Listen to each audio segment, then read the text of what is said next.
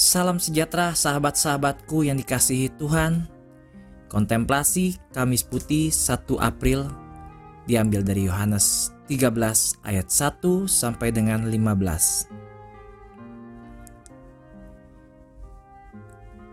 Yesus telah tahu bahwa saatnya sudah tiba untuk beralih dari dunia ini kepada Bapa sama seperti ia senantiasa mengasihi murid-muridnya, demikianlah sekarang dia mengasihi mereka sampai kepada kesudahannya. Yesus tahu bahwa Bapaknya telah menyerahkan segala sesuatu kepadanya dan bahwa ia datang dari Allah dan kembali kepada Allah. Lalu bangunlah Yesus dan menanggalkan jubahnya, ia mengambil selai kain lena dan mengikatkannya pada pinggangnya. Kemudian ia menuangkan air ke dalam sebuah basi dan mulai membasuh kaki murid-muridnya, lalu menyekanya dengan kain yang terikat pada pinggangnya itu. Yesusku yang terkasih, ketika aku melihat Engkau membasuh kaki para rasul, aku mengerti apa itu cinta.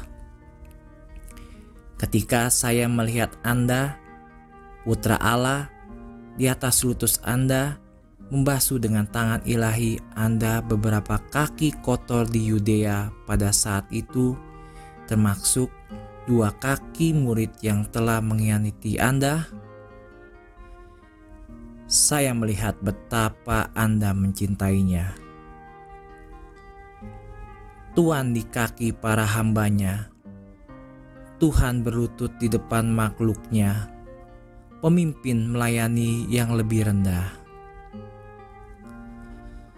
Tetapi, bukankah para ibu melakukan hal yang sama ketika mereka mengikat tali sepatu anak-anak mereka, atau memberi mereka makan, atau membantu mereka berpakaian? Sahabatku, cinta menimbulkan kerendahan hati.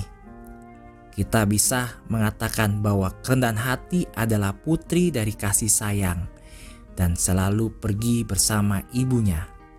Semakin kita hidup beramal, semakin rendah hati kita.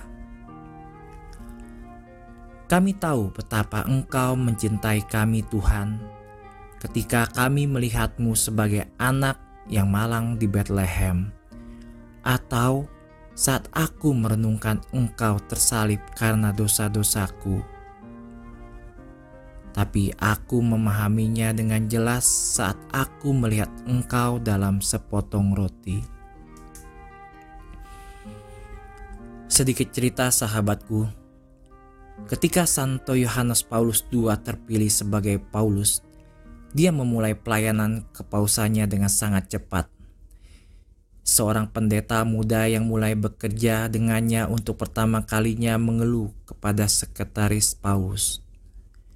Saya kelelahan, saya tidak bisa mengikutinya. Apa yang dia makan untuk sarapan? Dari mana dia mendapatkan energi? Sekretaris itu tersenyum, tidak mengatakan apa-apa saat itu. Tapi setelah makan siang, dia memberikan pendeta muda itu untuk mengikutinya. Dia membawanya ke kapel paus dan menjelaskan apa yang dia makan di pagi hari adalah tubuh Kristus. Dan di mana dia mendapatkan energiku itu dari sini. Saat masuki oratori, mereka menemukan Santo Yohanes Paus II bersujud di lantai di depan tabernakel, asik berdoa. Sahabat-sahabatku yang terkasih, mintalah Bunda Maria untuk mengajari Anda untuk mencintai Tuhan.